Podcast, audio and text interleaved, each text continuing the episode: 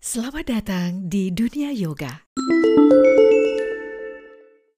Konsepnya adalah etika dan moral yang bersifat universal. Jadi, yoga menyesatkan itu di mananya? Sebelum Anda dapat memiliki pikiran yang disiplin, Anda harus melatih tubuh lebih dahulu.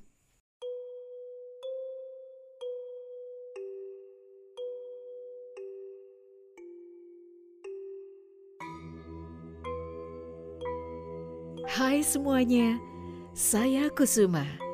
Salam senyum, sehat, penuh cinta dari Yogyakarta.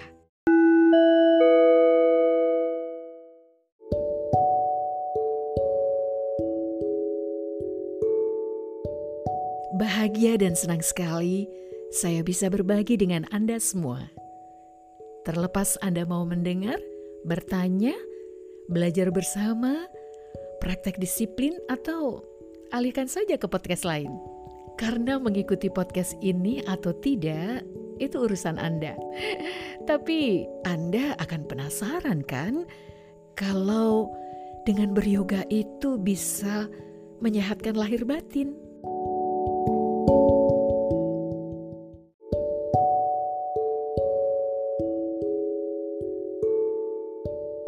Menurut saya, sebenarnya yoga itu dimiliki oleh semua budaya di dunia, tentunya dengan warna yang berbeda.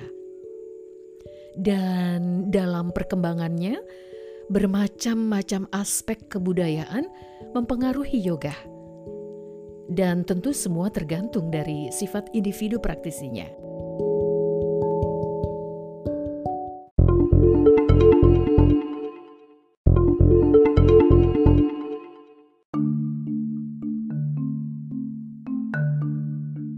Patanjali Yoga Sutra adalah sebuah teks kuno tentang filsafat yoga. Uh, ditulis oleh Yogi Patanjali dari India, jauh dari pengaruh agama atau kelompok tertentu. Konsepnya adalah etika dan moral yang bersifat universal, dengan mempertimbangkan yoga sebagai sesuatu yang bisa diaplikasikan di mana pun dan kepada siapa pun jadi yoga dapat diikuti oleh semua orang. Catat ya, yoga sudah ada sebelum ada agama apa pun di dunia. Yoga tidak menyesatkan.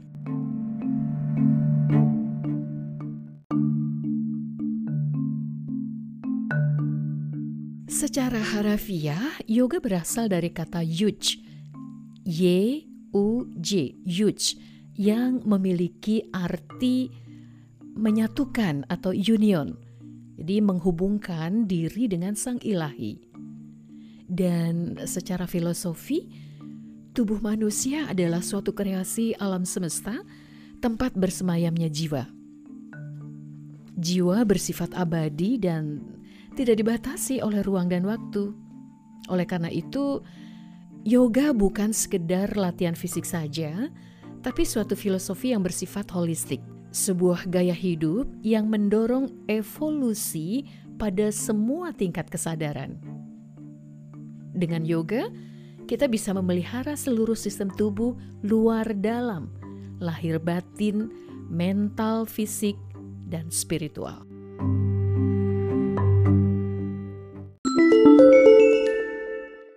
Ini adalah podcast Omah Yoga Kusuma sebuah podcast yang dirangkai sederhana dengan tujuan berbagi sehat dan bahagia. Bersama saya, Kusuma.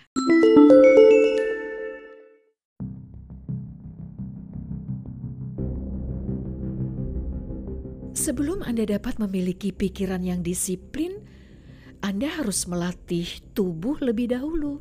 Mengolah tubuh dengan gerakan-gerakan yoga adalah untuk melatih otot atau peregangan, persendian tubuh bagian dalam, dan melatih kelenturan. Melakukan gerakan yoga dengan rasa nyaman, pasrah, dan menerima harus disertai dengan menyelaraskan nafas, pikiran, dan tubuh. Jadi, kalau ada rasa sakit karena dipaksa, baik oleh ego dari diri sendiri atau karena ada tekanan guru, ya itu bukan yoga. Ingat ya, melakukan yoga atau gerakan yoga atau postur yoga atau olah tubuh di dalam yoga itu haruslah nyaman. Jadi, lakukan gerakan yoga di batas kenyamanan Anda.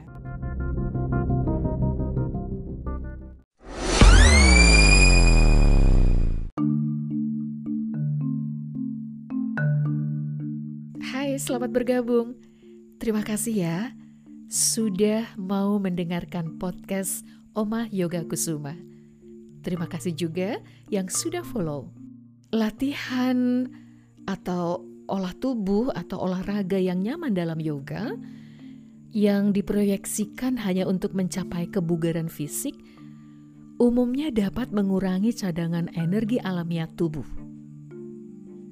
Tetapi latihan yoga yang diarahkan ke dalam tubuh melalui pose-pose hening atau postur-postur hening dengan perlahan kemudian disertai dengan pernafasan yoga yang terukur itu akan menumbuhkan kesadaran alami dan keseimbangan sistem saraf. Dan pada saat yang sama, susunan saraf atau nervous system dalam tubuh kita menjadi rileks. Kemudian akhirnya membuat pikiran itu menjadi lebih tenang dan hati menjadi tentram.